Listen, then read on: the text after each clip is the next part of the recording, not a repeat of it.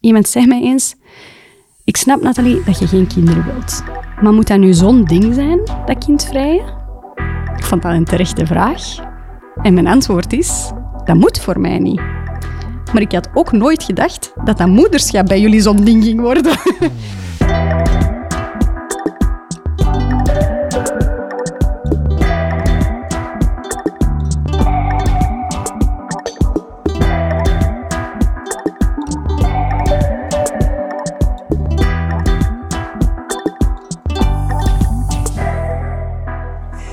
Nathalie, welkom in de podcast. Hoi. Hi. We gaan vandaag geen geboorteverhaal bespreken. Nee. Integendeel, ik stel voor dat je begint met jezelf even voor te stellen.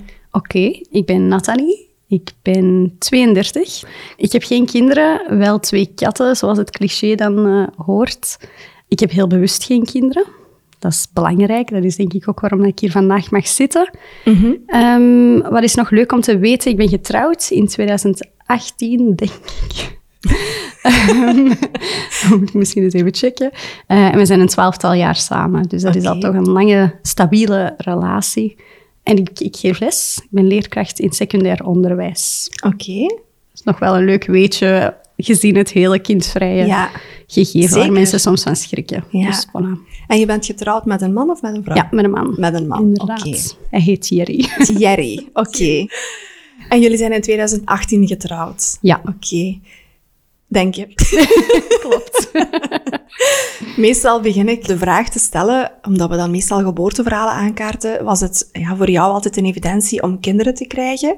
Mhm. Ja, ik denk dat nu logisch is dat ik vraag, was het voor jou altijd een evidentie om bewust geen kinderen te krijgen? Nee, ik wou al volmondig ja antwoorden op die vraag. Omdat Oké. het altijd voor mij een evidentie was om kinderen te Oké. krijgen. Ja. ja, ik was echt een geboren mametje. Oké, en hoe uitte zich dat? Eh, ik ben de tweede oudste in een gezin van vijf. Dat is zalig, want je hebt niks van de verantwoordelijkheid van de oudste te zijn. Maar je hebt wel zo jongere broertjes en zusjes. En Ja. ik vond dat zalig. Ik was altijd mee zo... Ja, de babysit en de pampers verversen en het sussen. Je leert dat heel snel al in een groot gezin. Ja. En ik vond dat ook heel leuk. Mijn twee jongste zusjes zijn ook nakomertjes. Dus dat waren echte babytjes Ja. dan. En ik ben dan redelijk vanzelf zo beginnen babysitten altijd. Eh, met mijn familieleden op vakantie zelfs als babysit. Mai, oké. Ja. Ehm, toen ik 18 was, dan zei mijn nicht, zeg, zo'n eh, animatorscursus, is dat niks voor u? Ik dacht, oh, ja, ik ken daar niks van, maar lijkt me tof.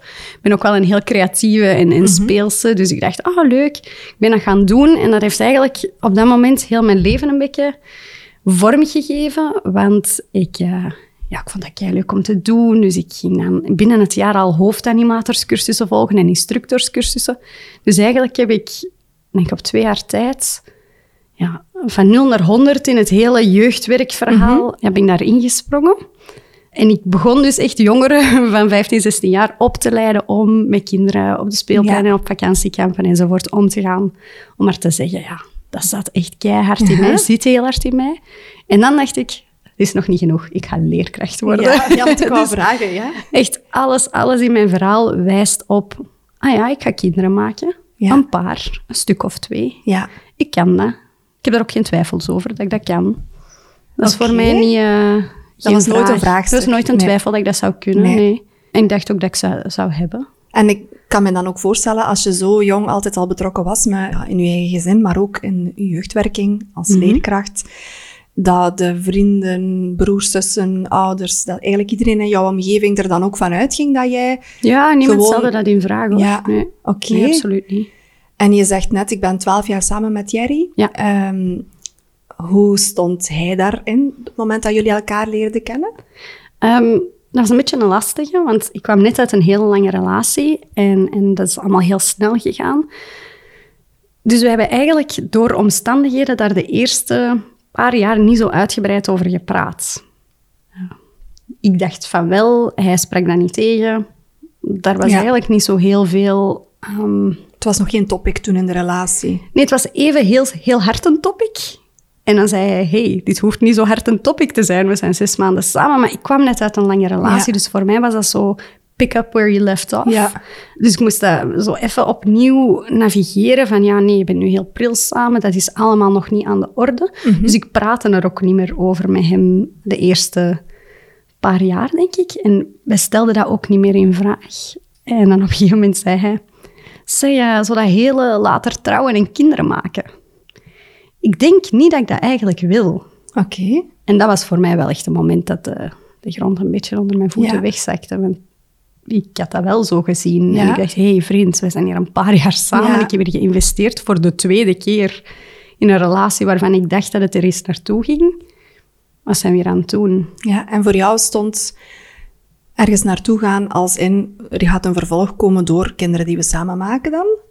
Ja, ik had zo wel wat de verlatingsangst, zou ik maar zeggen. En voor mij was dat wel het bewijs... Als, als jij met mij wilt trouwen en kinderen maken, dan weet ik dat je mij niet gaat verlaten. Ja. Dus dat was voor mij Ja. zo... Die twee gingen samen. Ja. Maar ik nu besef dat niet logisch is, of allee, wel logisch, begrijpelijk, maar niet de waarheid is. maar zo voelde voelde dat het, voor mij echt aan toen. Dus dat was echt iets waar ik mee moest, moest omgaan.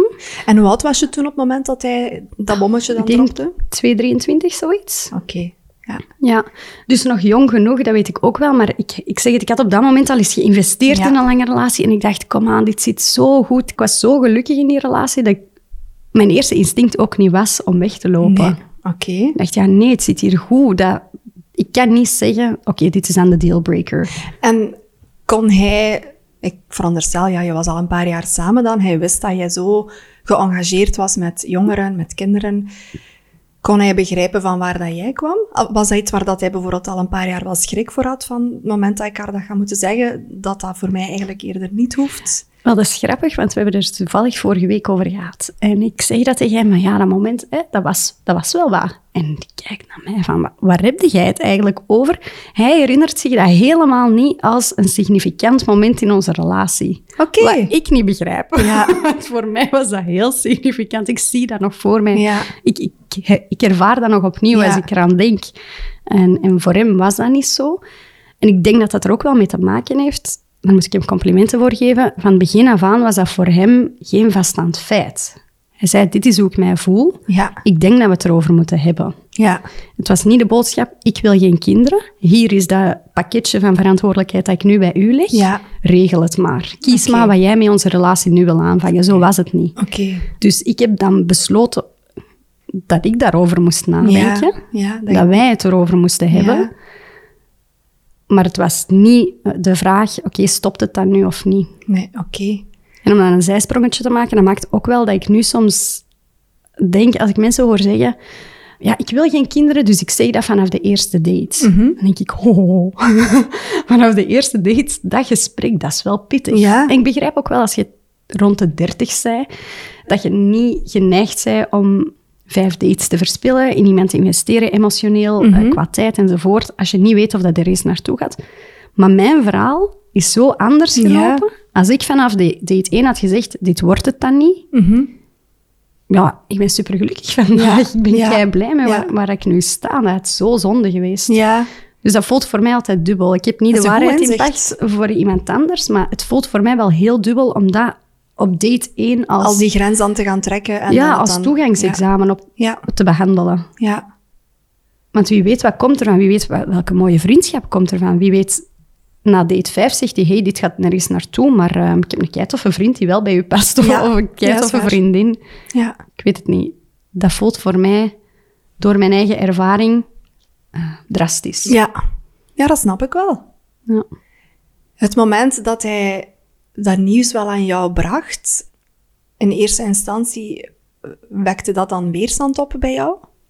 Ja. Ja. en huilen. ja. En hoe ontving hij dat dan? Ehm, ja, ik denk wel mijn, mijn open geest. Ik denk dat hij wel besefte op dat moment dat dat niet zo'n luchtig nieuwtje Nee, was om ja. te delen, dat dat iets was waarover gepraat ging worden. En zo bracht hij het ook echt aan. Ja. Ik denk dat we het erover moeten hebben. Ja. Dit moeten we bespreken. Ik wil, ik wil niet nu al zeggen dat het wel zo gaat zijn. Het was eerder, denk ik, voor hem vanuit dat perspectief. We zeggen dat het wel zo gaat zijn en daar voel ik mij op dit moment niet meer comfortabel bij. Laat ons de opties open houden, want mijn gevoel zegt dat dat niet hoeft. Ja. Nadat je dan dat eerste gesprek met elkaar hebt gehad, wat was jouw reflex dan? Ik kan me voorstellen dat je gewoon het perspectief van geen kinderen krijgen nog nooit had geëxploreerd. Exact. Tot dan. Ja. Wat heb je toen gedaan? Wat heeft jou toen geholpen? Ehm, ja, ik denk dat dat het eerste besef was dat noodzakelijk was. Hij die dat in vraag stelde, was eigenlijk gegronder dan ik die het niet in vraag had gesteld. Ik wilde het omdat het zo was gegroeid, Ja. omdat ik er nog nooit over had nagedacht en me alles in mijn leven in die richting had gewezen. Ik kende behalve die gekke tante en onkel die hun hond als kind behandelen, niemand anders zonder kinderen Ja. precies. En ik haal dat nu aan als cliché, omdat mensen dat cliché zo hebben. In realiteit zijn dat super toffe mensen, maar ook ik was grootgebracht met het idee van, ah, dat is een beetje gek Ja. dat mensen daarvoor kiezen. Ja. Raar. Misschien kunnen die toch geen kinderen krijgen en Ja. zeggen die dat gewoon niet. Dat is dan ook nog zo'n cliché. Ja. Dus de eerste stap was voor mij het besef, ik heb nog nooit gekozen of bepaald of uitgezocht of ik een kinderwens heb of niet. Ja. En dat is stap één. Ja. Stap één is, is terug achteruit stappen ja, ja. en zeggen, ik zit hier in een idee fix. Klopt dat wel? ja is dat Is dat- eigenlijk vanuit het helikopterperspectief gaan kijken naar... eh, Ja, en ook wel even bij hem checken. Hoe, hoe menens is het hier Ja. voor u? Want was dat wel iets wat dat jij nodig had van op dat moment, die, na die eerste schok, mag ik het zo noemen? Had jij het wel nodig om te weten van het is niet sowieso radicaal een nee? ja, dat was voor mij een, een basisvoorwaarde. Ja, oké. Ja, want ik zeg het, als iemand naar u komt met de boodschap, ik wil het niet, of andersom, ik wil het absoluut wel, Ja, dat is mijn ruimte. vaststaand Ja. feit, dan leg je de verantwoordelijkheid voor de relatie op dat moment bij de ander. Ja. Of dat dat nu een prille relatie is of een lange. Ja, en dat dat is is niet fair. Dat is een beslissing die niet tussen jullie instaat, want dan ga je touw trekken. Dan gaat het om wie heeft gelijk, wie Ja. krijgt er hier gelijk. Terwijl dat het niet, En zo niet kan niet, gaan over nee. eh, gelijk halen of niet. hè? Nee, je staat samen voor de grootste beslissing van je leven. Dat durf ik dan wel zeggen. Ja, hè? ja. verandert alles. Ja, daar sta je samen voor. Die staan niet tussen jullie in.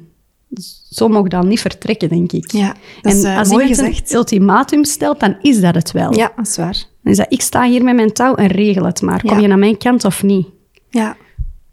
Ik veronderstel dat jij, jij bent eerst zelf gaan intunen van oké, wat betekent dat dan voor mij? Hoe, ja, hoe zou het zijn inderdaad als we eventueel beslissen om niet voor kinderen te gaan? Ja. Is dat ook iets wat je op dat moment kon delen met vriendinnen of zo? Ehm, ik herinner mij dat niet supergoed. Op dat moment was mijn sociale situatie, onder andere door een relatiebreuk, ook wel iets anders. En ja, we waren dan wel 223, dus dat van nog, je kon dat onderwerp nog vermijden. Ik Ja. zat in de overgangsfase waarin iedereen dat uiteindelijk begon te vragen Ja. om de vijf minuten. Ja. Zo voelde het althans.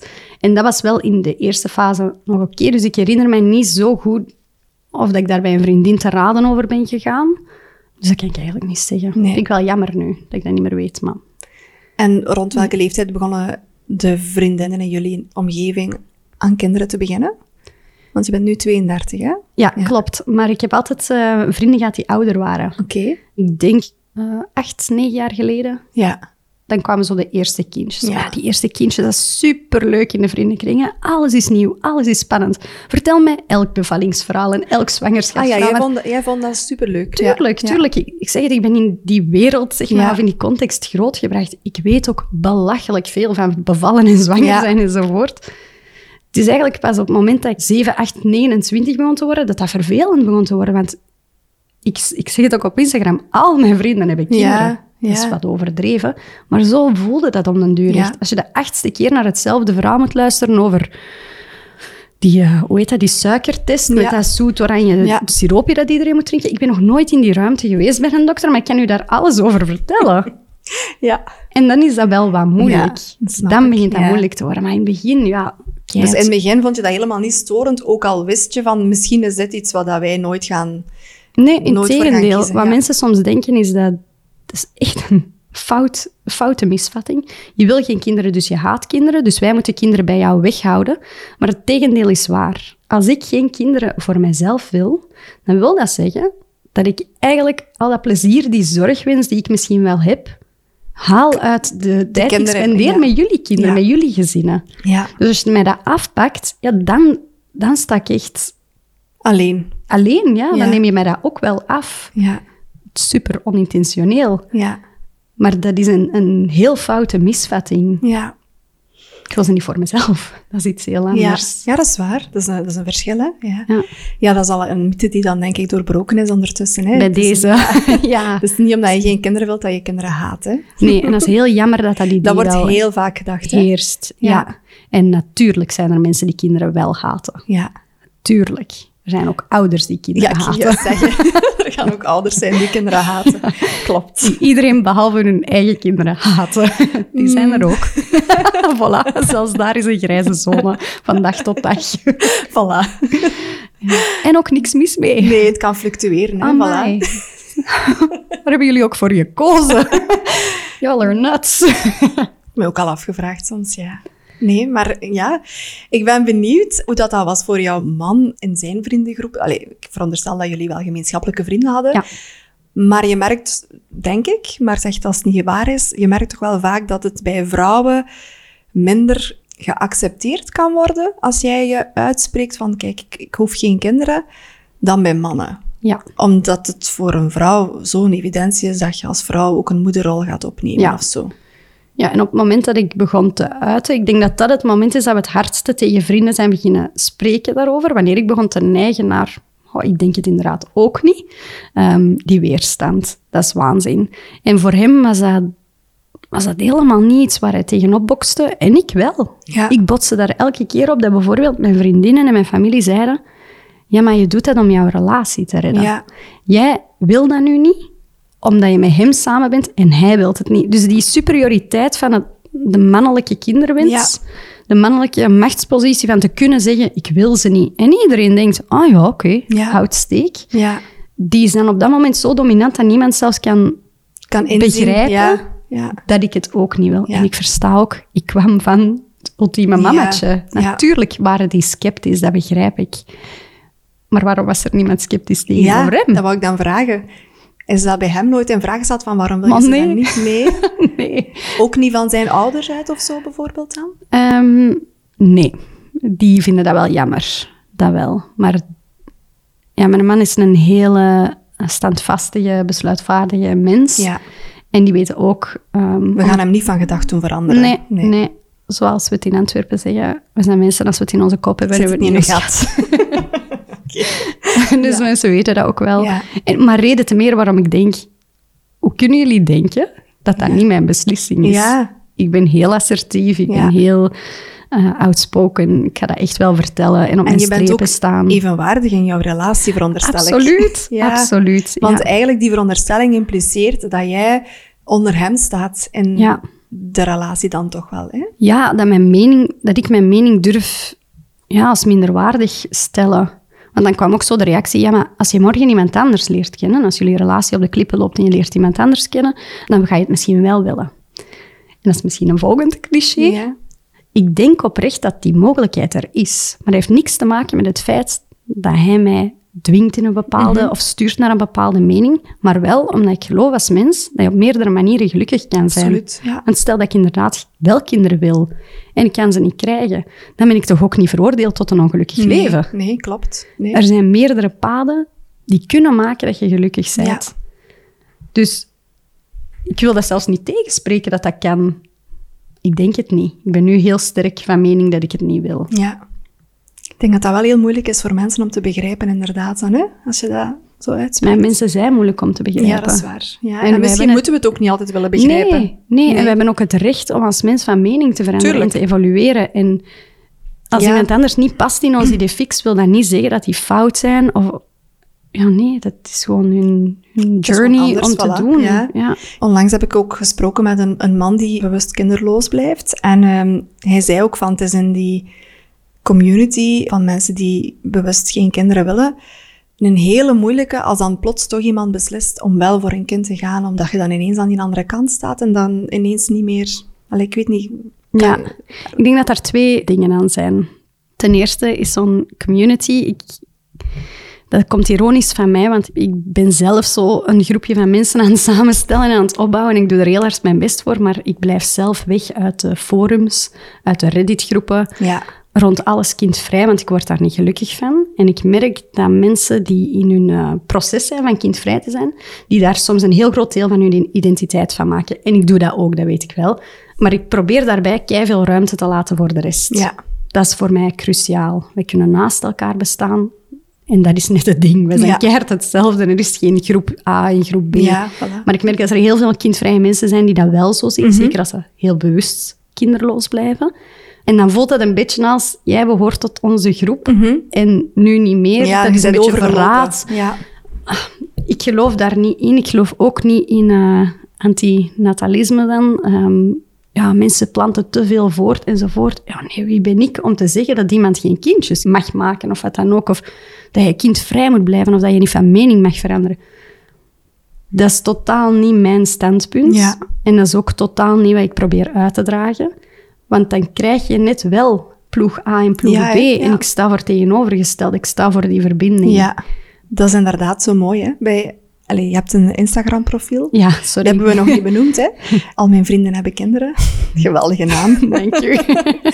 Ik ben benieuwd. Eh, ik kan me voorstellen dat het niet enkel kindvrije mensen zijn die op jouw profiel zitten. Integendeel, heb je daar zelf een idee van? Eh, ik heb het een paar maanden geleden bevraagd. En dan is maar een fractie van de mensen die de poll invullen Mhm. Ja, natuurlijk. Maar de lijn kan wel doorgetrokken worden. Dan waren dat 40% mensen die kindvrij waren. Ja. Geen kinderen, bewust geen kinderen, ik zal het zo zeggen. 40% mensen met een kinderwens. Ik heb dat samengenomen, want ik vind als jij in een fertiliteitstraject zit of wat dan ook, dan Mhm. Ja. mag jij even goed de term ouder, wensouder. Dus mensen Mhm. met een kinderwens en of kinderen. En 20% mensen die twijfelen. Ja, oké. Ik vond dat verhelderend, want Ja? ik ben daar wel blij mee. Ik ben er ook Ja. wel trots op. Ja, je hebt een mooie verdeling eigenlijk. Ja, dank je. Ik ben, ja, ik zeg Ja? het, ik ben daar blij mee, want ik wil niet een polariserend Ja, forum zijn of medium zijn. nee, die zijn er denk ik genoeg inderdaad op andere fora. Hè? En ik volg ze ja. zelf niet, omdat ik Ja. daar zelf niet gelukkig van word. Want dan raak ik in zo'n idee fix. Ja, En daar ben en ik dat is niet waar dat jij voor staat. Nee. Nee. Maar merk je dan dat er wel mensen zijn die meer polariserend... eh, of, ja, meer, een meer pola, die een meer pola, die een meer polariserende eh, gedachtegang hebben, die ook de weg vinden naar jouw profiel en het dan ook nodig vinden om jou dat dan duidelijk te maken? In welke richting? Eh, Bij, beide richtingen. Ehm, ja, Ja? natuurlijk. Je hebt altijd mensen die eh, heel overtuigd ouder zijn. Eh, de haters, zou men dan kunnen zeggen. Maar eigenlijk kom ik die bijna niet tegen. En dat vind ik heel mooi. Dat vind ik fijn. Echt een heel positief plekje daar. Ehm, maar die zijn er ook in een andere richting. Er zijn ook mensen die zo overtuigd kindvrij zijn en dat heel luid vertellen en, en proberen overtuigen, wat nooit mijn, mijn manier is. Maar ik vind dat ook niet erg dat zij dat wel doen, want voor mij is dat een proces waar je doorgaat. Een proces van zoeken naar verbinding, een proces van zoeken naar je eigen kinderwenskeuze en je eigen vriendschap. En dat die mensen soms gefrustreerde dingen uiten of negatief zijn of wat dan ook, dan denk ik, ja, ik begrijp dat wel, want ik ben ook zo gefrustreerd geweest. En dat wil zeggen dat jij je niet begrepen voelt. Ja. Dat je dat nergens anders kwijt kunt. Klopt, ja. En dat mag er zijn, want zo is mijn Instagram-kanaal ontstaan. Dus Ja. als ik hen daar geen ruimte voor geef om die gedachten ergens neer te schrijven en te kanaliseren, te nuanceren, te relativeren, dan zorgt dat enkel maar voor een weg in die vriendschap en in hun, voor hun eigen identiteit. Ook als je dat nu nodig hebt, om dat kindvrije zo te omarmen, dan moet je dat doen. Ja, Iemand zei mij eens, ik snap Nathalie dat je geen kinderen wilt. Maar moet dat nu zo'n ding zijn, dat kindvrije? ik vond dat een terechte vraag. Ja. En mijn antwoord is, dat moet voor mij niet. Maar ik had ook nooit gedacht dat dat moederschap bij jullie zo'n Ja. ding ging worden. Voilà, voilà, ja. dan had het voor mij opgelost. We hadden Ja. er nooit gezeten. Als ik niet had ervaren dat moeder zijn en ouder zijn blijkbaar je hele wezen verandert. Dus hebt ik snap ook dat andere mensen in, die, in dat proces dat ook nu als deel van hun, hun identiteit heel erg omarmen. Ja. Daarjuist had het al heel eventjes over de... Ja, in, in jouw relatie dan, de ouders van jouw man vonden het wel jammer, maar weten ook dat ze een- een zoon niet kunnen veranderen van gedachten, of doen veranderen van gedachten. Hoe reageerde jouw mama initieel? Ehm, ja, ik zei al, wij komen uit een gezin van vijf. Ja. Mijn mama heeft niet het gemakkelijkste pad gehad, relationeel in het leven. Dus ik, wat ze zei, neem ik haar zeker niet kwalijk en begrijp ik heel hard. Ze zei, ehm Nathalieke, als je geen kinderen wilt, dan snap ik dat.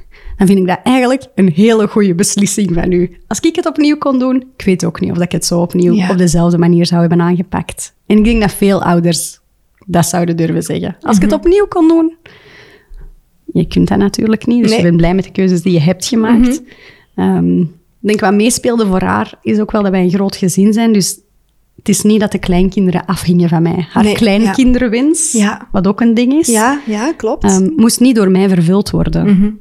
Dus dat neemt wel er waren nog veel... kansen genoeg, zo gezegd. Ja, ja, en dat neemt wel veel druk van mijn schouders op dat moment. Wederom eh, de, de zegen van het tweede oudste kind te zijn. Ja, want is dat ook iets wat dat bij jou meespeelde? Op het moment dat jij voor jezelf dan dat denkproces aanging van oké, misschien inderdaad kan ik mij daar eigenlijk wel helemaal in verzoenen om kindvrij te blijven. Is dat dan iets waar dat je op dat moment ook aan denkt? Ja, maar dan ontneem ik ook wel mijn ouders, ook een kleinkind? Nee, dat is misschien een van de enige momenten dat het egoïsme zeker eh, terecht is Ja. om te zeggen. Ja. Want ik kan niet een keuze maken voor iemand anders leven dat zo'n grote invloed heeft op Mhm. het mijne. En ook, ik wist dat dat voor mijn mama niet uitmaakte. Ja. Er, er zijn intussen kleinkinderen, dus dat is oké. Waar ik wel een paar jaar geleden door een, een heel subtiele opmerking over begon na te denken, is... ehm, mijn man heeft één broer en, en die willen heel graag kindjes. Er zijn ook twee leerkrachten, dus daar is het cliché wel mooi vervuld aan. Ehm, en het ging erover dat zowel mijn zus, die nu twee kindjes heeft, als, als zij... Ja, die hadden ook wel het ideale beeld van de nichtjes en neefjes gaan allemaal samen spelen zoals wij vroeger deden. Ja. In ons grote gezin. En, Ja. en ook daarboven stond een groot gezin. Dus er waren heel veel nichtjes en neefjes, grote familiefeesten, ambiance. En ik besefte pas toen door zo'n subtiele opmerking van ah, dat heb ik eigenlijk ook wel afgenomen dan, dat beeld. Dat is een collateral damage van onze beslissing. Maar dat is geen reden om ze niet te maken. Nee. Maar ik ben dan benieuwd, ja, je broers en zussen, Ja, een broer en drie zussen. ja. Hoe was het voor hen als jij dat durfde uit te spreken? Eh, mijn zus, de oudste zus, is de eeuwige diplomaat. En zo het mini-moedertje van de, de, het De oudste, hè? Ja, Ja. ja. voilà, exact. Die zou me dat nooit luid op zeggen, denk ik, dat ze dat eh, erg vindt. En die begrijpt dat ook heel hard. Ik ben iemand heel individualistisch en tegenwoordig is dat een lelijk woord, maar ik omarm het met trots. Ik ga keihard voor mijn eigen doelen, mijn eigen pad. Ik vind dat belangrijk, want ik heb niet altijd die keuze gehad. En ze respecteert dat ook wel. Ze Ja. ziet ook wel dat mijn ambities ergens anders Ja, liggen. maar mooi. Ja, Ik denk, ook, ja. ja. het- gemaakt hebben in het leven zou niet mogen afhangen van een kind voortbrengen of Nee, niet. voilà, het gemaakt, wat gemaakt. Die twee kinderen, dat gezin, uw, uw eigen geluk. Maar ik denk Wat? dat dat wel is wat heel veel mensen denken. Hè? Van als je geen kinderen hebt, dan kun je geen ja, hoe zeg je dat? fulfilling life gehad hebben of zo. Ja, Dat is maar- toch iets wat veel mensen denken. Denk Ja, maar dat komt ook door bepaalde clichés en uitspraken die we hopelijk bijna uit de wereld brengen. Als in, je kan nooit weten wat liefde is tot je een kind hebt gehad. ja. Daar kan ik echt Ja. zo kwaad van Ja. worden. ja, snap ik. Ik voelde me pas vrouw toen ik moeder werd. Ja, en wat zijn wij dan? Ja, niks. robots. dat is super erg, maar Ja. dat voelt niet... Dat voelt niet respectvol naar mij Nee, als vrouw, als Ja. mens, wanneer mensen zeggen... Ik voelde mij pas volledig Toen mijn kind daar was. toen mijn kind Ja. er was. Dan nog wel, maar ik voelde pas liefde toen mijn kind er was. Want dan... Dan kan je de vraag stellen vanuit welk perspectief is dit kind er dan gekomen? Dit kind heeft al direct een, eh, een hele verantwoordelijkheid. De pressure. Ja. Goh.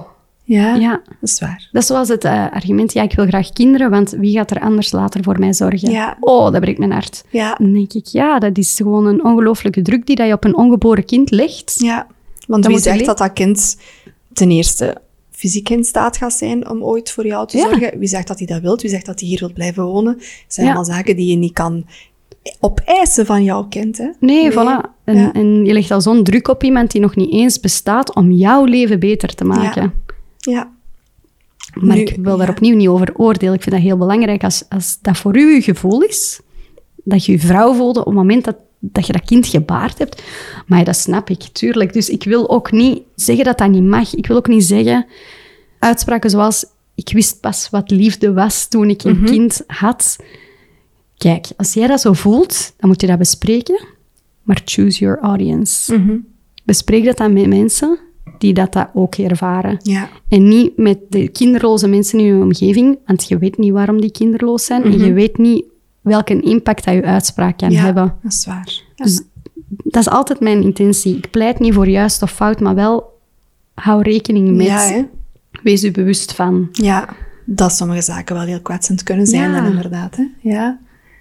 Ehm, je neemt normaal gezien in het leven altijd beslissingen vanuit angst of vanuit liefde. Ja, De beslissing om bewust kindvrij te blijven, is dat bij- jou, bij jullie, dan een beslissing uit, uit liefde?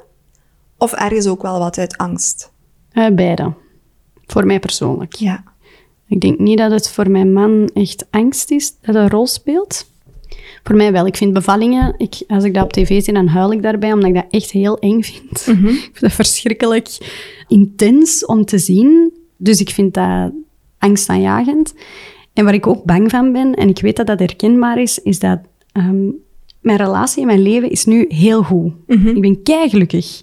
Waarom in godsnaam zou ik daar een wildcard in gooien, een, een risicofactor inbrengen die, die kan ontploffen of die kan meevallen? En misschien riskeer ik zo om het grootste geluk dat ik ooit zal hebben, niet mee te maken. Dat kan, maar ik weet ook niet wat ik mis. Nee, dus ik heb wel die angst om iets te verpesten wat nu perfect is. Ja. Dat is een risico dat ik niet hoef te nemen, Ja. denk ik. En waar dat je dus duidelijk ook perfect mee kunt leven. Ja. Met, Ja. het feit dat je dat risico ook niet wilt nemen, ja. Ja, en de liefde, de, de beloning aan de andere kant is zo groot. Ik heb alle vrijheid, soms te veel, om te kunnen doen wat ik wil. Mhm. En dat geeft me heel veel voldoening. Ja, zalig. Ja.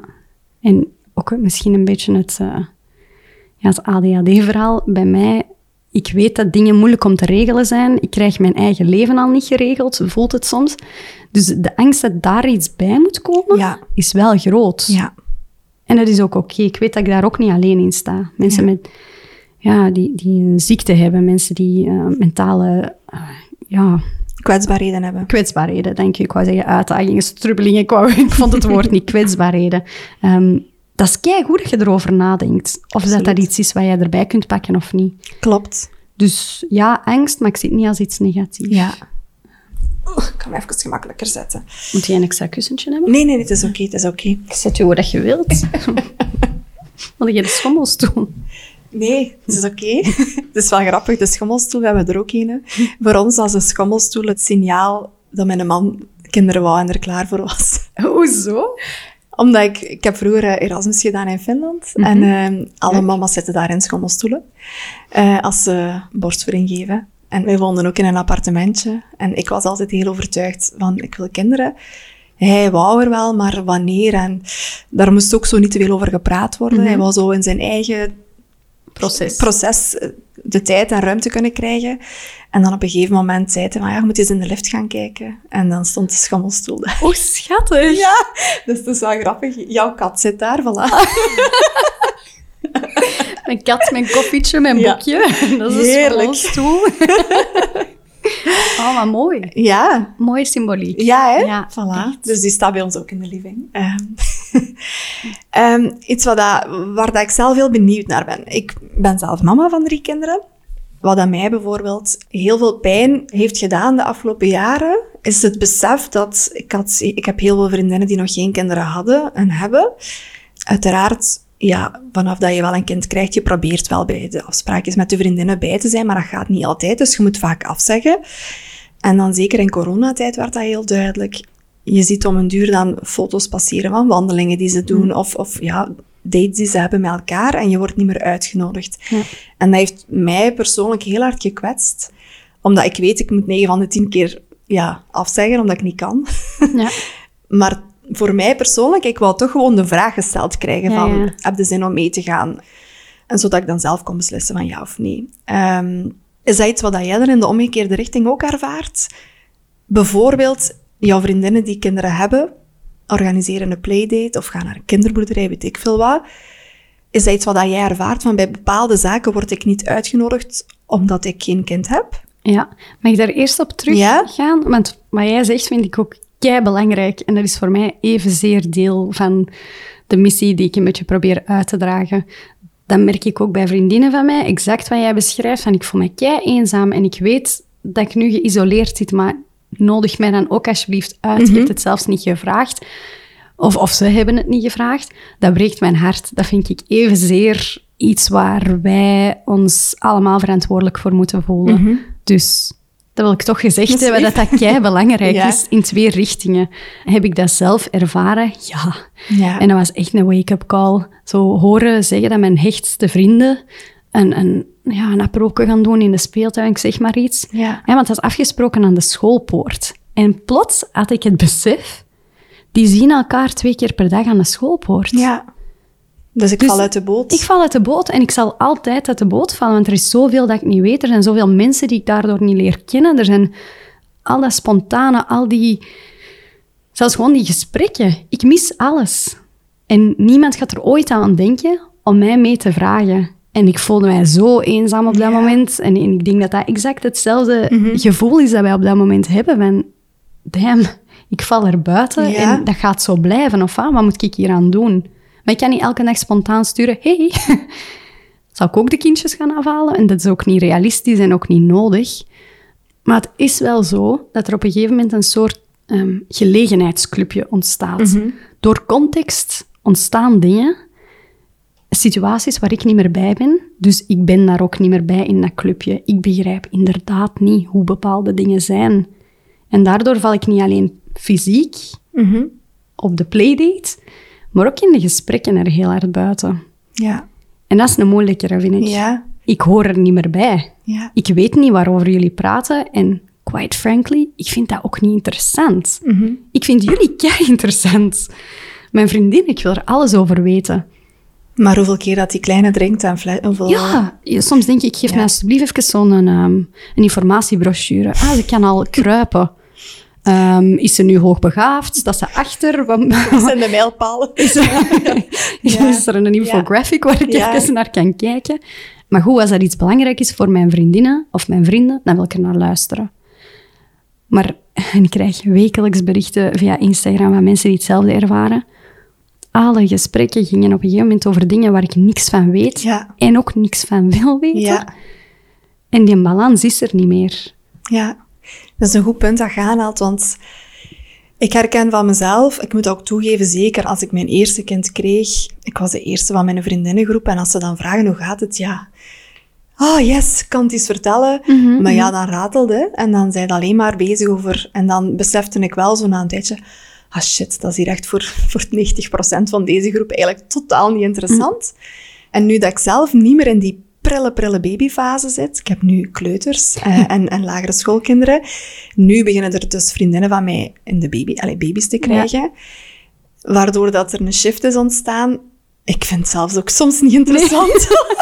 en dat is heel confronterend Ja. om te beseffen. Maar ja, vijf jaar geleden was ik Ja. deze persoon. Was ik die, die Ja, alleen maar daarover praatte. En was die vriendin die nu in die babyfase zit ook waarschijnlijk totaal niet geïnteresseerd in al die details. nee, nee. En dat is een hele moeilijke, hè? Ja, ik probeer daar voor mezelf de les uit te trekken. A, dat is normaal. En dat is uw leven dat op zijn kop staat wanneer er een kleine komt. En wie ben ik om te zeggen dat je niet mag delen over alle crazy dingen die je op dit moment overkomen? Vertel het, deel het. Maar ik denk dat de keuze kan maken tussen wat is interessant Ja.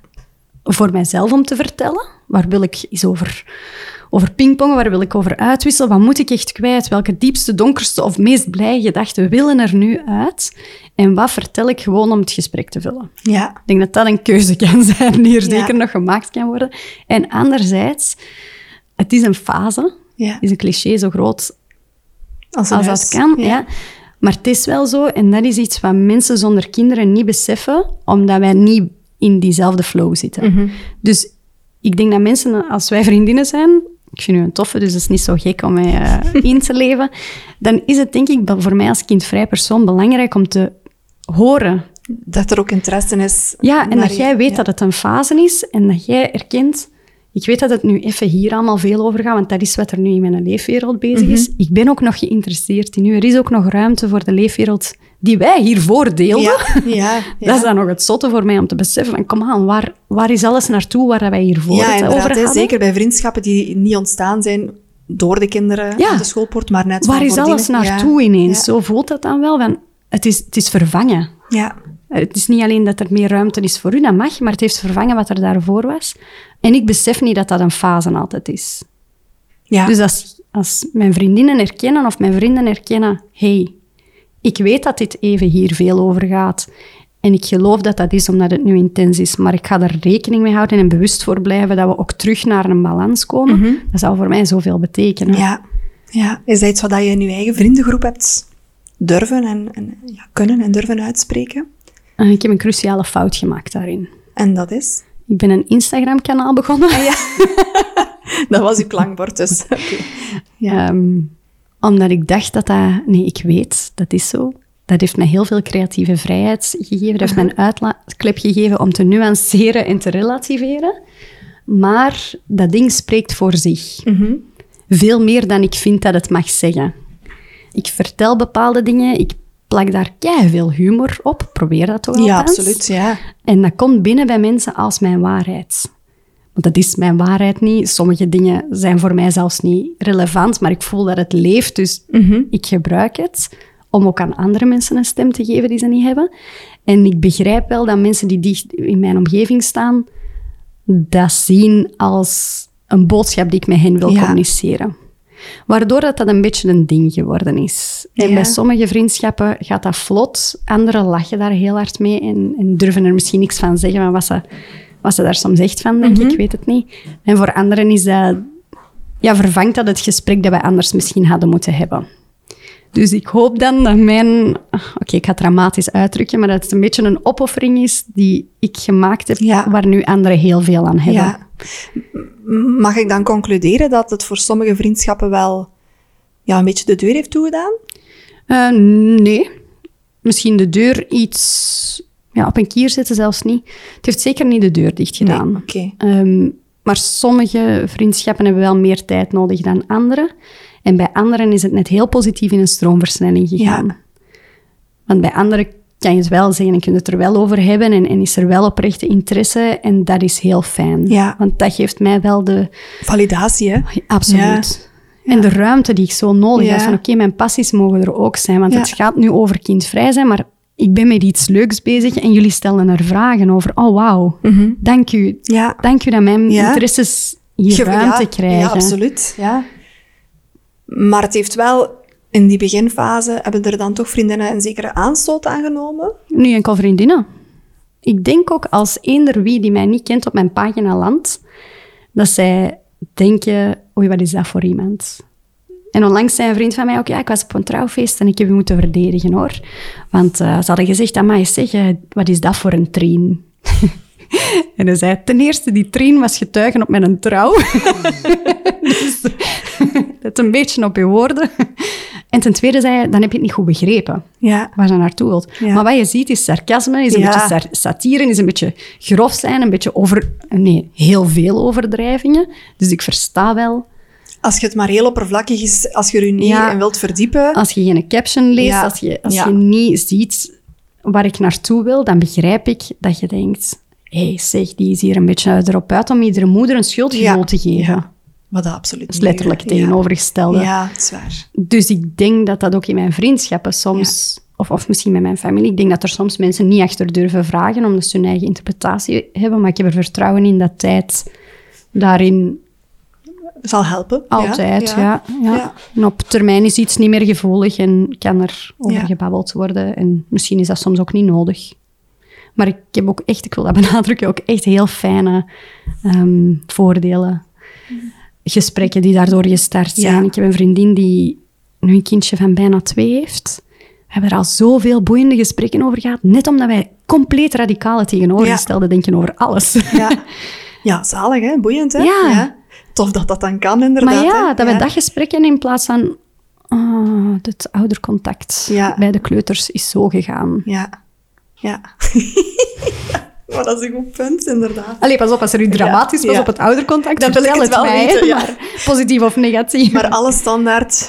Alle standaard dingen bespreken met de, met, Met de moeders. Met de moeders of met de, met de vaders. Of met de... Ja, Dat vraag ik me ook nog af. Jullie zijn getrouwd in 2018. Ik veronderstel de mensen die dicht bij jullie betrokken waren en op jullie trouw ook aanwezig waren, die wisten waarschijnlijk wel al toen op dat moment dat jullie mogelijk kindvrij gingen blijven, of, of, of waarschijnlijk. Is daar dan toch in een speech of, of weet ik veel wat, zijn daar dan steken over gegeven? Of zo van, je zult nog wel van gedacht veranderen? Omdat ik me dat... Nee, gelukkig niet. Nee, eens dat je luidop zelfzeker kindvrij bent, dan zijn er veel meer tegenovergestelde boodschappen. Ah, mij, dat vind ik slim. Ja, Oh, dat snap ik wel. Als wij het opnieuw konden doen. Ja. Plots heb je dan zo bij een veilige zone voor ouders. om, te mogen klagen en eh, om hun, eerlijk donkerste, om hun donkerste gedachten te mogen toegeven. Ja, Want God forbid dat je dat in een andere context doet en dat mensen denken dat je een slechte ouder bent. ja, dat is waar. Dus dat is eigenlijk dan ineens een, een safe space. Ja. Ja, dus ça va wel. Maar Vind ik heb me dat heel leuk? lang moeten opboksen wel tegen die... eh, Tegen die vooroordelen van, Ja. je zal nog wel veranderen. Maar- of, ja. eens mensen duidelijk zagen, Van, dit gaat oké, niet gebeuren. Ja. En vind je dat leuk als mensen jou dan een beetje als die safe space beschouwen? In real life dan, om, om te ventileren over hoe, hoe lastig het moederschap is en dat je groot gelijk hebt, dat je er niet aan begint. En, Ja, ik vind dat wel grappig. Anderzijds geeft het mij ook wel echt enkel het gefilterde negatieve beeld. En het maakt mij wel nog iets meer het cliché van Cruella de Vil die kinderen haat. Ja. Zet ze daar niet af, want ze maakt daar bontjassen van. Ja. Dus het is dubbel, maar ik vind het wel fijn dat ze ergens tenminste dat kwijt kunnen. Ja. En ik hoop wel dat er een moment komt wanneer ze dat ook bij vrienden en vriendinnen kunnen die wel kinderen Mhm. hebben, als ze op dit moment dat gevoel niet hebben. En ik ben zelf nu aan het denken, mocht, mocht jij mijn vriendengroep zitten, ik denk inderdaad, als het dan over de, de moeilijke zaken in het ouderschap gaat, dan zou ik me heel veilig voelen inderdaad om dat bij jou te delen en daarover te ventileren. Want ja, jij gaat dat snappen, want jij wilt daar niet aan beginnen. Hè, zo zou dat dan voor mij voelen. Maar ik denk ook dat het mij zal tegenhouden om de, de hele leuke, de hele warme zaken die ik ook heb bij het ouderschap, om die dan jou net te besparen vanuit mijn standpunt Ah, ja, ja. denken. Hè? Omdat ik dan... Als ik denk hoe allee, mijn gedachtegang hierbij zou zijn, als ik ook de zaken die ik geweldig vind aan het ouderschap aan jou zou vertellen, dan zou ik aan jou misschien, en ik ben niet verantwoordelijk voor jouw gevoelens natuurlijk, maar ik zou jou dan misschien het gevoel kunnen geven van, ah ja, misschien, misschien mis ik dan toch iets, misschien maak ik dan toch niet de goede keuze of zo. Ja. Snap je wat ik bedoel? Ik snap wat je bedoelt. Ik denk dat je aanraakt wat een heel gevoelig thema is in beide richtingen. En dat is spijt. En dat is iets waar kindvrije mensen, een beetje een vloek van mensen die geen kinderen gaan hebben. En ik zeg nu kindvrij, ik speel altijd met die termen. eh, maar evengoed mensen die geen kindjes uiteindelijk hebben en ze wel wilden. Ehm, spijt dat mijn leven er anders uitziet dan ik had gedacht. De vloek van die mensen is, there's always a way back. Dus als ik nu beslis om kindvrij te blijven, ik kan mij morgen bedenken. Er zal een operatie nodig zijn met mijn man, want dat is intussen finaal gemaakt dat dat niet meer gaat. Maar ik kan mij bedenken. En mensen die al ouder zijn, die kunnen zich niet meer bedenken. Je kan die kinderen op hun ehm 16 niet meer in de vondelingenschuif Nee, gaan leggen. klopt. Dat is, dat is geen optie meer. Dus dat is kei attent, dat empathische. Maar ik ga het nu gemeen vergelijken, maar dat is een beetje zoals mensen die zeggen, ja, je hebt gekozen om geen kinderen te maken omdat je man het niet wou. Ik ben een, een volwassen, zelfstandig persoon bij volle intelligentie en bewustzijn en ik kan zelf wel kiezen waar ik mee aan de slag ga en waar niet. En als ik maar een half beeld heb, dan kan ik ook geen volledige opinie maken. En ik weet Ja. dat ik mezelf nu een beetje tegenspreek van pick your audience daarnet. Maar dan heb ik het over de dingen die beledigend of kwetsend kunnen zijn en niet over... Ja, ik voel het hoor, ik spreek mezelf een beetje tegen, maar als je mij het mooie bespaart... Ik zeg het, dan draagt dat bij wel aan het cliché van Ja. ik haat kinderen en ik kan er ook om den duur niks niet meer goed over zien. En dan krijg je van die heel negatieve, kindvrije mensen die Ja. enkel nog maar denken dat kinderen hebben rot is. Ja. En, ja. en dat is ook niet de waarheid, maar oké, ik heb de conclusie. Want ik voel dat ik mijn eigen tegenspreek. Ik heb de conclusie. Bespreek het. ja. Want ik denk nu ook als iemand geen kindjes kan krijgen en ze zo verlangt, Mhm. dan kan dat wel heel kwetsend zijn. Ja. Communicatie is Ja. key. Ja, dat is waar. Als je met die vragen zit, ja, stel die vraag aan, aan je vriendin zonder kinderen. Ja, Hoe zit dat voor u? Vind je dat lastig? Heb je dat liever? Ik denk dat dat altijd, het antwoord altijd daar ligt. dat is een goeie. Ik ben ook heel benieuwd. Je hebt ondertussen een vrij groot bereik met jouw eh, Instagram-profiel. Bereik je ook mensen met een andere geloofsovertuiging of culturele achtergrond? Te weinig. Ik vind dat heel jammer. Ik vind dat heel frustrerend. Ik moet zien dat ik het nu niet politiek maak. Hè. Ehm, ik geloof heel fel in diversiteit en representatie. Dat is voor mij heel belangrijk. Ik ben ook heel bewust in een stadsschool gaan lesgeven. Omdat ik denk dat de stadse realiteit gewoon... Dat, ik voel me er beter bij. En op Instagram bereik ik dat helemaal niet zo hard. En ehm, ik weet niet hoe ik dat moet oplossen. Ik vind dat jammer, want ik, ik geef zomaar een, een deel van de mensen een stem. En Mhm. dat voelt voor mij niet juist, maar ik weet niet hoe ik het kan remediëren. Ja, ik, ik weet het ook niet. Nee, Ehm, maar dat vind ik jammer. ik denk wel dat, dat er weinig zaken laagdrempeliger zijn dan zo'n Instagram-profiel. Dus ehm, Ja. Ja, ik weet het echt niet waar, waar dat, dat aan ligt en, en hoe dat ik dat kan... En heb je wel al ehm, mensen met een, een andere geloofsovertuiging gehad die, die jou wel contacteren en die zeggen van, ah, ik denk er eigenlijk net hetzelfde over, maar het mag niet? Nee, ik heb geen, ehm, ja, zeg, geen, geen persoonlijke berichtjes of zo. Ik, ik zeg het, ik heb wel een beetje diversiteit in het bereik dat ik daar heb, maar heel beperkt. Ehm, Ik zou het jammer vinden... Ik vind het jammer, sorry, want ik zou het interessant vinden om daar wel over Ja. in gesprek te kunnen en, en ook dat te normaliseren. Maar dan denk ik niet alleen in termen van ja, diversiteit op vlak van geloof, maar evengoed eh, geaardheid, seksuele geaardheid. ehm, net zoals dat ik een stem probeer te geven aan mensen die kindvrij zijn, om eender welke reden. En, en ook mannen, ik ben daar ook echt niet divers genoeg in, maar het is wel een probleem dat zich veel meer situeert bij vrouwen. Dus ik ben daar wel zoekende. Ja, ja. Ik ben er wel van overtuigd hoor, dat dat langzaamaan wel eh, de, de ripple effect, hè? Ja, ik vind dat wel belangrijk. Maar de ripple effect is, eh, is ook een beetje intimiderend, want tegelijkertijd, hoe groter dat het, het online plekje wordt, hoe meer verantwoordelijkheid ik ook wel voel. Om dat juist te doen, om, om eerlijk te zijn, om, om te representeren. Dat is ook wel veel druk op mij, Ja, want ik blijf wel een persoon die daar zelf mee worstelt. Er is een reden dat dat kanaal er is. Want het kanaal is gestart in covid-tijden, of? Nee. één jaar geleden. Ah, één exact. jaar geleden Ja. maar, oké. Ja. Ja. en wel post-COVID. Het is wel een COVID-cliché. Maar ik zat op dat moment ook met een burn-out. Of net eruit aan het geraken.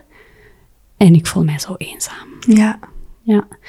Dus het starten van iets heel negatief. Ik Ja. startte met frustraties en, en ik kanaliseerde het zo naar iets positiefs. Ik dacht, oké, al hun lelijkste gedachten, zoals ik ga alleen eindigen, eenzaam zijn, eh, die mensen hun gezinnen, een keuze voor een gezin verpest mijn leven. En ik heb het niet alleen over mijn directe vrienden. Hè. Elk gesprek tijdens mijn pauze ging altijd over alles van kinderen. Hè. Dus het is, het is breed. Hè. Als, je, als je er niet in zit, valt pas op hoe breed. Waarschijnlijk, ja. Dus ik was zo gefrustreerd daarin en ik mocht dat niet zeggen. Ik mocht dat niet online zeggen, ik mocht dat niet luidop zeggen. Mocht je dat niet zeggen? Of omdat jij zelf vond van mijn stem doet er in dit onderwerp dan niet toe? Of heb je het wel geprobeerd en heb je gewoon effectief tekstel op de neus gekregen? Of, had, of, of mensen het schofferend opgepakt of zo? Nee, niemand heeft denk ik luidop tegen mij gezegd... Hé, wat jij nu zegt vind ik niet oké. Ik heb ook niemand ooit proberen chockeren, maar de, de lelijkste gedachten zoals... Dat jullie nu een gezin starten, dat heeft veel invloed op mij en ik vind dat niet eerlijk. Dat kun je niet zomaar zeggen, want dat, is, dat komt altijd persoonlijk Ja. aan. En ik lachte daar zo, voordat ik mijn Instagram startte, dan lachte ik er zo mee. Ja, ehm, ik ga later een boek schrijven of ik kan eens eh, misschien een social media kanaal starten en ik ga dat noemen, al mijn vrienden hebben kinderen. Ja. Zodat mensen kunnen weten hoeveel aanpassingen je eigenlijk doet als je geen kinderen hebt. Hoe dat eigenlijk is. En dat werd zo weggelachen altijd. Zo, ah, ja, ja, ja. En, en met een opgetrokken wenkbrauwen keken van, wat zegt zij nu? Dus dat was een grote frustratie. Ik word niet gezien, ik word niet erkend. Jullie hebben geen flauw benul. Van hoe het voor mij is. Hoe het voor ja. mij is dat ik hier ook nog ben, wat ik allemaal doe, om jullie een beter gevoel te geven, om rekening te houden met jullie. Ja, En ik vind dat niet erg. Maar ik heb wel graag dat dat gezien wordt, ja. En Zodat dat dat ook- gevalideerd kan worden. dat dat gevalideerd Ja. wordt en dat er op termijn, dat je dat erkent, zodat we er op termijn voorbij kunnen. Ja, En dat was zo frustrerend, maar dat kun je niet zeggen. En via Instagram kon ik dat wel omdat je, niemand rechtstreeks, en omdat je ook niemand rechtstreeks dan op dat moment... dacht ik. ja. Ja, ja, maar ook gewoon, je, je schrijft aan iemand en krijg je een Reddit-forum. Ja. Waar iedereen elkaar probeert te overtuigen om geen kinderen te maken, want dat verpest de wereld. Ja. Ja, nee, dat is niet mijn boodschap. Dus ik, ik gebruik het als filter voor mezelf, ik zal het zo zeggen. Ja. Waar ik wel aan denk ook, want je bent leerkracht in het secundair onderwijs. Ja. Jouw leerlingen, ik, ja, ik veronderstel dat die ook allemaal op social media zitten, dus dat er wel veel zullen bij zijn die weten dat jij het profiel hebt dat je hebt. Ehm, Tot Of niet? weet ik van twee leerlingen die het ontdekt hebben. ah, oké, dus eigenlijk eh, is dat niet zo... nu een- begint dat met dat er zo wat afstudeerjaren zijn. En die zijn ook ouder. Ik geef ook les aan zevendejaars. Dus die vinden het dan wel. Mhm. Dus ik ben bang op termijn dat het wel een, eh, een dingetje wordt. Maar ik verberg ook bepaalde verhalen. Dus als ik ze Ah, ja. ontdek, blokkeer ik ze of beperk ik bepaalde verhalen. Ja, want is dit wel iets wat jouw leerlingen ook weten? Jouw keuze om kindvrij te blijven? Ja, dat iets dat wat wel. ah ja. ja. Ja, dat wel. En wat zijn dan de reacties van zo? Dat is eh, grappig, want dat zijn pubers. ja, pubers, hè. dus die hebben minder blad voor hun mond, denk ik. Hè? Ja, en die zijn echt het bewijs van hoe dat, dat maatschappelijk met de paplepel is Ja, ingegeven. Zo, de, de typische reactie is... ehm Alleen maar mevrouw, je zou een kei goede mama zijn. Dan denk ik, ja, oké. Dank u, denk ik. Ik zou misschien ook een kei goede loodgieter Ja. zijn. En een kei goede, ik weet het niet. Maar Ja. ik kan niet elk levenspad bewandelen. Nee. Wat wel schattig is, ze snappen dat niet. Ze denken ook ah, dat ik mij ga bedenken. Ik heb, ik heb ook veel, ehm, wel heel veel culturele diversiteit bij mij op school. Dus daar heerst wel het idee van, hoezo ga je geen Ja. gezin maken? Ja, Waarom niet? ja. Maar pubers staan open voor alles. Ja. En dat is wel cool. Ik denk dat je daar een hele cruciale rol kunt spelen, inderdaad, om jongeren die nog nooit eens bij zichzelf hadden ingecheckt van, wil ik dat eigenlijk wel? Want dat wordt misschien wel verwacht van mij. Ja, Maar wil ik dat wel? Dat je daar wel een zaadje plant. zou kunnen. Misschien ja. niet nu, op deze moment in hun leven, maar als ze binnen vijf of tien of vijftien jaar Ja. daar wel voor komen te staan. Ja, ik moet dan denken aan een leerling die... Soms geloven ze het ook echt niet. Als ik aan het denken, er zijn er ook veel die, die wel blijven in het idee van... U bedenkt u wel. Een leuke anekdote over een leerling in het zesde jaar. En ze heette Siam. En eh, ze zei, mevrouw, ik kan dat echt, echt, echt niet vatten dat u geen kindjes gaat hebben. U gaat zich echt nog bedenken. Ik zei, wel Siam, als ik binnen het jaar, binnen een jaar kinderen krijg... Ik zeg, ik noem mijn kind Siam. Ik noem een kind naar jou. Ja, maar echt. Ja, maar mevrouw, als dat een tweeling is. Ik zeg, dan noem ik ze allebei Siam, dan heb ik een Siamese tweeling. en ik zeg haar een jaar later terug, je zei, geen Sorry. kindjes, hè? Nee. dus ze, ze zijn er zo van overtuigd dat het echt niet kan, wat ik zeg. Ja. Dus ja, misschien plant het inderdaad hier en daar wel een zaadje, maar het is op zijn minst normalisering. Ja, en dat is al iets. Dat is al keigoed. Ja. Voilà. Ik lach er ook wel altijd mee. Dan vragen ze waarom en dan zeg ik, ja, ik zie elke dag wat er allemaal mis kan gaan. Ik zie elke dag in jullie klas wat voor kinderen ik kan hebben. oh, mevrouw. maar ja, Beetje humor erbij Voilà. wel, hè? Voilà, dat is waar. er een beetje mee spelen. Dat het normaal is, dat het oké is. Het is Ja. niet een zwaarwichtig onderwerp, je mag er alles over vragen. Ja, ja. Goed van jou, echt waar. Dank je. ja, ik ben wel aan het denken wat je nu net zegt van uw man. Hij is gesteriliseerd, Ja, veronderstel ik. Ja, ja. Ehm, toen hij bij de uroloog ging dan, ja, er wordt gevraagd, hè, heb je kinderen? Is jouw kinderwens voltooid? Mhm. Ehm, ik denk dat die vraag ook aan hem gesteld zal geweest zijn. Ehm, werd hij serieus genomen? Ja, we hebben heel veel geluk gehad met dat proces, want ik krijg heel veel verhalen van mensen die gewoon worden afgewezen. Mhm. Zeker mensen onder de 30 wordt afgewezen. Vrouwen helemaal, omdat het een intensieve ehm, pr- operatie is. Ja, het is een operatie Ja, inderdaad. Hè? Ja. en bij mannen, va wel. Dus hij heeft geluk gehad dat hij eigenlijk vanaf het moment één wel daar serieus in genomen is. Wij hadden dat ook al een paar jaar daarvoor beslist. Uh, Hij kreeg wel de vraag, ja, maar wat als je vriendin morgen onder een bus loopt, of je vrouw, en ehm, je leert iemand nieuw kennen en die heeft wel een kinderwens. En van die vraag kan hij echt niet van over. Hij vat dat echt niet dat hem dat gevraagd wordt. Want Ja. hij zegt, ja, dan heb ik toch nog altijd geen kinderwens. Dat, dus dat is dan misschien wel het enige moment waarop hij als man in vraag wordt gesteld van, Ja. is dat wel uw keuze? Heb jij dat wel te bepalen? Ja. ja. Ik begrijp anderzijds dat een uroloog ook wel een, een zeker risico ja, kent en, Mhm. weet dat sommige mensen zich bedenken en, en die vragen moet stellen. Urologen die het radicaal niet doen, vind ik ja, echt onverantwoord. Maar ja. ja. Maar het is soms zoeken en niet opgeven. En mensen die daarin zitten, in dat traject, moeten echt gewoon de juiste persoon Ja, even vinden. Want ze zijn er wel, ze zijn er zeker. Ja. Is dat iets wat jouw gynaecoloog ook... Ja, ik veronderstel dat hij dat wel weet ondertussen. Ja. Dat jij geen kinderwens hebt. Ja, want ik heb natuurlijk ook... eh, ja, frustrerend, zoals elke vrouw, hè. Anticonceptie is altijd mijn verantwoordelijkheid Mhm. Ja, geweest. ja. Regel het maar. Ook al is dat hormonaal echt super invasief en, en veranderend enzovoort. Dus voor mij was dat iets belangrijk om met haar te bespreken. Ik heb ook heel veel last van mijn huid enzovoort. Dus is hormonale anticonceptie nog wel een goed idee voor mij? Kan Mhm. dat ook helpen? Maar eens dat ik daarmee mocht stoppen, Ja. ja, dat was zalig. Dus ik heb dat wel open met haar kunnen bespreken en dat vond ik heel fijn. Dus mij ook niet proberen overtuigen. Oké. Dat was heel duidelijk dat ik dat niet wou. Ja, Dat ik erover had nagedacht en die begreep dat. mooi. Ja. En is een, een sterilisatie aan jouw kant, is dat ook een piste die je ooit overwogen hebt vooraleer jouw man dan gesteriliseerd was? ja, ik heb daar zeker over nagedacht, maar ja, gewoon het risico en de grootte van de operatie zeg maar, is zoveel kleiner bij hem, ja, dat het een logische keuze was dat hij dat, hij zou doen. Oké. Ja, ik heb er wel over nagedacht. En ook bijvoorbeeld het, het eh, hysterectomie, of hoe heet het? Het wegnemen Mhm. Ja. van de baarmoeder, Ja. heb ik ook nagekeken. Want ja, stel dat dat kan en dat dat niet zo'n gedoe is, en waarom zou je het dan... Ja, dat is heel stom. Wa- mijn regels bijvoorbeeld, mijn, mijn menstruatie, ik heb daar echt moeilijk mee. Ja. Ik vind dat echt lastig. dat- Confronterend? ja, confronterend, frustrerend. Ja. Ik heb dat niet nodig. En ik, ik ga nu heel kort door de bocht, want ik weet dat dat allemaal doe en, en uw cyclus is, Mhm. is belangrijk enzovoort. Maar het komt er wel op neer dat ik elke maand een week bloed voor niks. Ja. Dus ik heb die optie ook wel verkend, maar dan, moet, dan ga je echt in menopauze. Dat is zo nee, als je, de, dat, als je de baarmoeder laat verwijderen, niet. Het is Ah, ja. als je de eierstokken laat verwijderen. Voilà. Ja. Het was allemaal zo invasief, zo groot, Mhm. dat we hebben besloten om de kleinst mogelijke... Ja, ingreep te doen Ja. bij jouw man dan. Ja. Ja. Oké. Hebben jullie voor een sterilisatie, vooraleer dat die uitgevoerd was, het er ooit over gehad? Stel nu dat wij ongepland zwanger worden.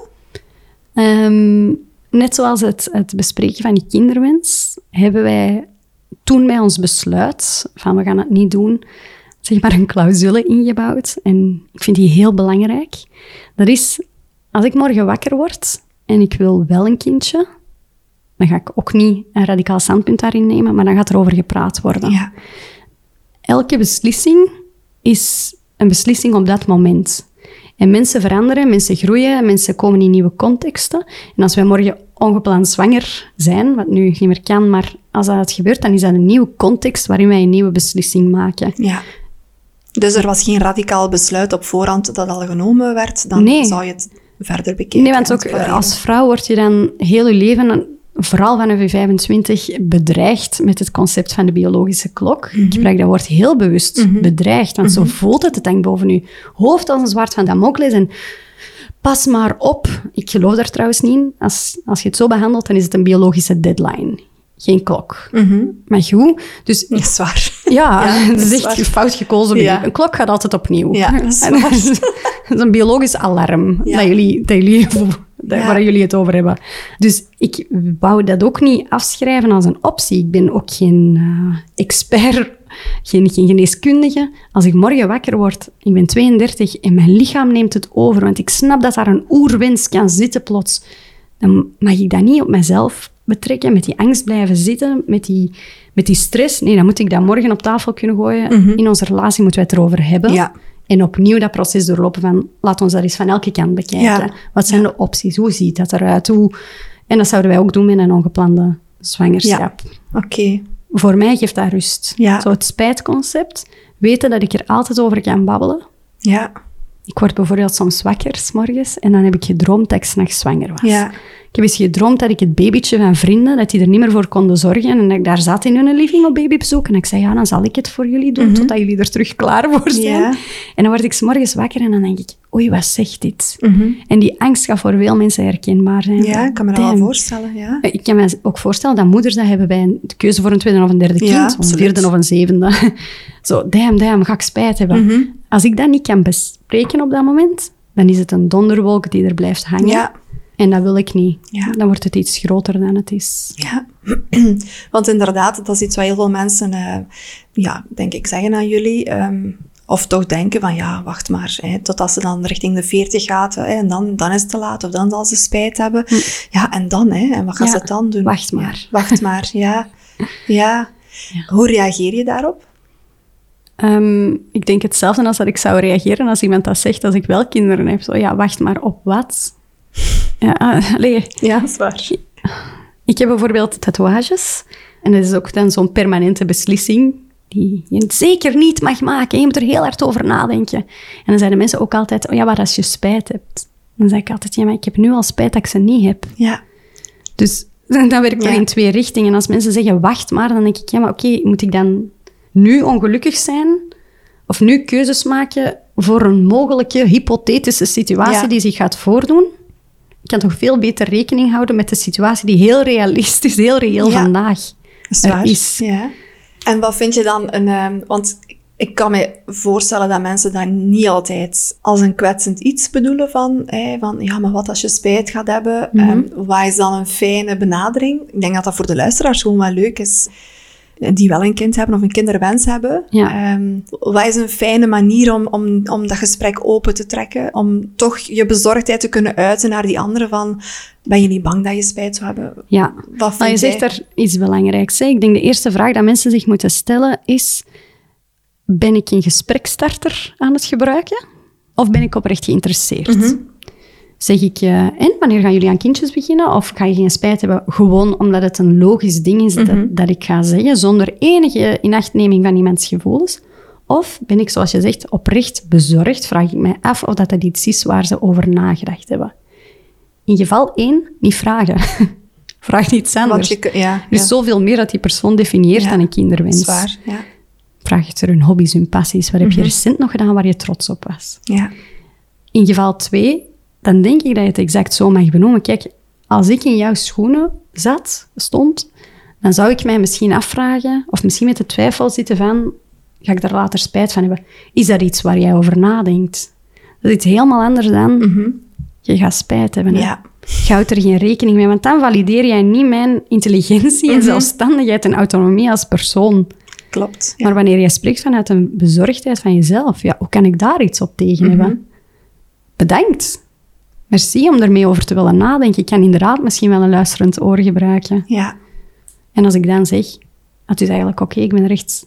Of ik wil er niet over praten, of Dan, dan weet je neem het dan ook Ja, aan en dan is het ook oké. Ja.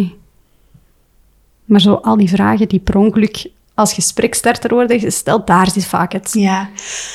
Of zo Dat vragen waar ze eigenlijk niet, geen antwoord op willen horen of zo. Hm. Gewoon hun mening willen eigenlijk zeggen door de vraagstelling. Ja, voilà. Ja. Voilà. Ja. En dat hebben mensen niet nodig. Nee. Hm, En dat werkt ook in twee richtingen. Hè?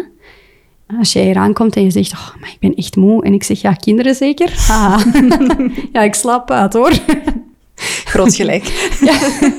maar dan, dan zijn we niet aan het luisteren naar elkaar. Dan voel jij je ook niet veilig Nee. om te zeggen... Ik Dat ben het meest vermoeide dat ik ja. ooit ben geweest en je moet dat begrijpen. ja. Oké, vertel. Ja. Oké. Dat is een goed gesprek. Ja.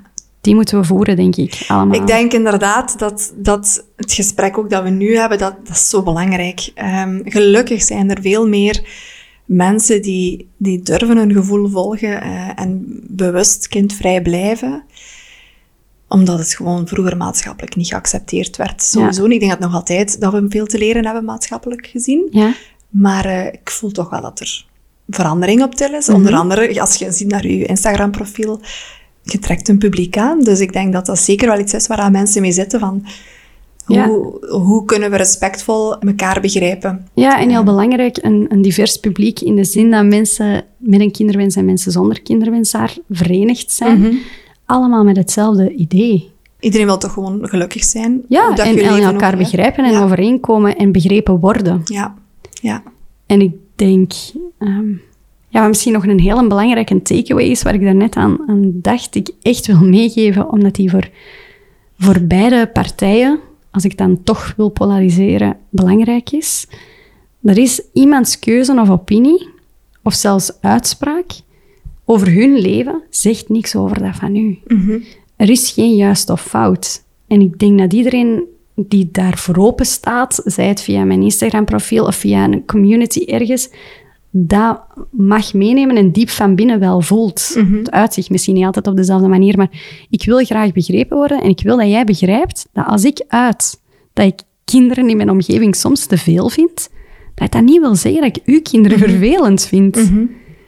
ik ben iets heel persoonlijk aan het zeggen en dat dan onmiddellijk op jezelf betrekken, ja, dat is iemands ruimte om onmiddellijk weer afpakken. Ja, ik denk dat je daar iets heel belangrijk aanhaalt, inderdaad.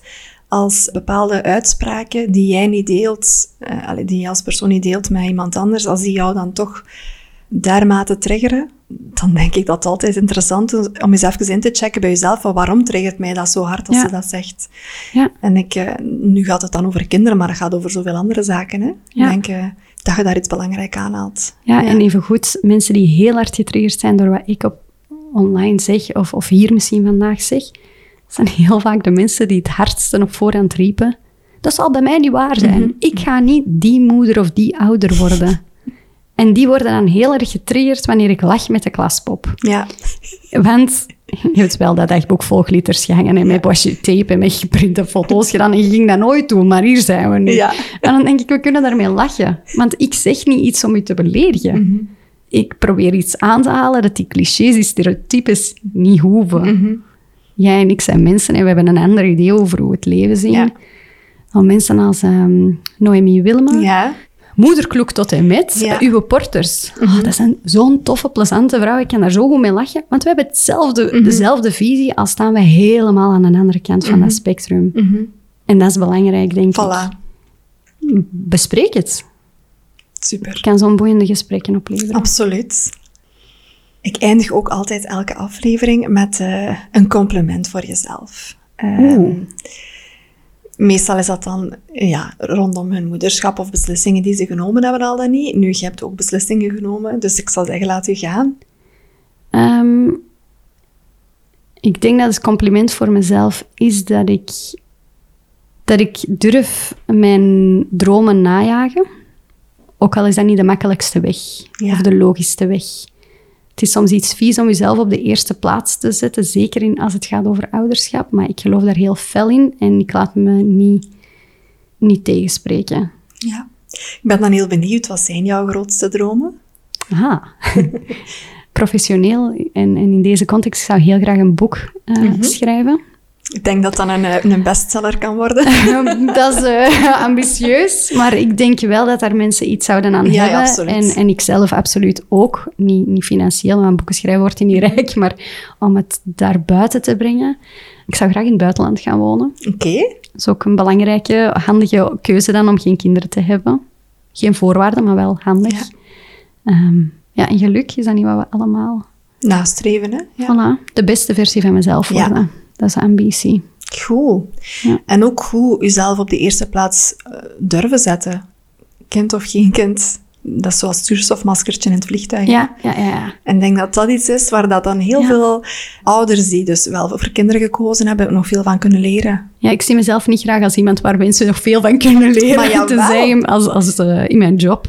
Maar ik denk dat we wel nog veel van elkaar kunnen leren. En, en dat het goed is dat we daar allemaal voor openstaan. Ja, voilà. Ik denk het ook. Ja. Mag ik jou heel hard bedanken, Nathalie, voor... Ja, eh, maar ik jou ook. Het zo- leuk dat je... Wat we nu doen is keigoed, hè. Is, is erover praten, is er geen taboe aan maken. En, voilà. en ik vind dat jij tof. Ja? Ik ook. Ik voel me vereerd. Oeh, de poezen... eh, Wat was de automatische voederbak? Oh my god. Ik wist niet dat dat bestond. Ja, die schrokken altijd zo. En, en dan eten die in kleine hoeveelheden. Ja, parenting, it's Ja. a hard knock life. en geven er nogal eens geld aan uit. Groot gelijk. Waar moet het anders aan uitgeven? ja, ja, ja. Voilà, dat is de tweede. Mag ik jou heel hard bedanken, Nathalie? Ik ben ervan overtuigd dat heel veel zaken die we vandaag hebben aangehaald, dat heel veel mensen daar iets uit kunnen halen en dat het vooral eh, onze oogkleppen een beetje doet eh, mee naar buiten staan. Hè? Dat we Ja, onze ik- blik wel kunnen verbreden. Ik hoop het en ze zijn super welkom om, eh, om dat te laten weten, ook als ze niet akkoord zijn. Ja. Want dan komen we weer verder. Niet iedereen hoeft akkoord te gaan. Nee. We moeten onze meningen niet Nee. allemaal delen met elkaar, hè? maar wel respect voor ja, elkaars meningen. En ruimte voor elkaars Ja, voilà. perspectief. Voilà. En niet heel de dag over uw kinderen praten. Dat is de laatste takeaway. Bedankt om te luisteren naar dit boeiende gesprek met Nathalie. Het heeft mij erg geholpen om mijn blik te verruimen. De beslissing om al dan niet voor kinderen te gaan is niet evident. Het is er een die, hoe dan ook, een grote invloed heeft op het verdere verloop van jouw leven. Beslis je om toch voor kinderen te gaan, dan wil ik jou de raad geven om je goed voor te bereiden. Je springt in het grote onbekende en dan kan je maar best een parachute bij de hand hebben. Daarom maakte ik een online zwangerschapscursus, zodat jij vol zelfvertrouwen en kennis de geboorte- en kraamperiode tegemoet kan gaan. Neem zeker een kijkje op buikgewoel.be. Als je genoten hebt van deze aflevering, zou ik het oprecht appreciëren als je dit deelt met anderen.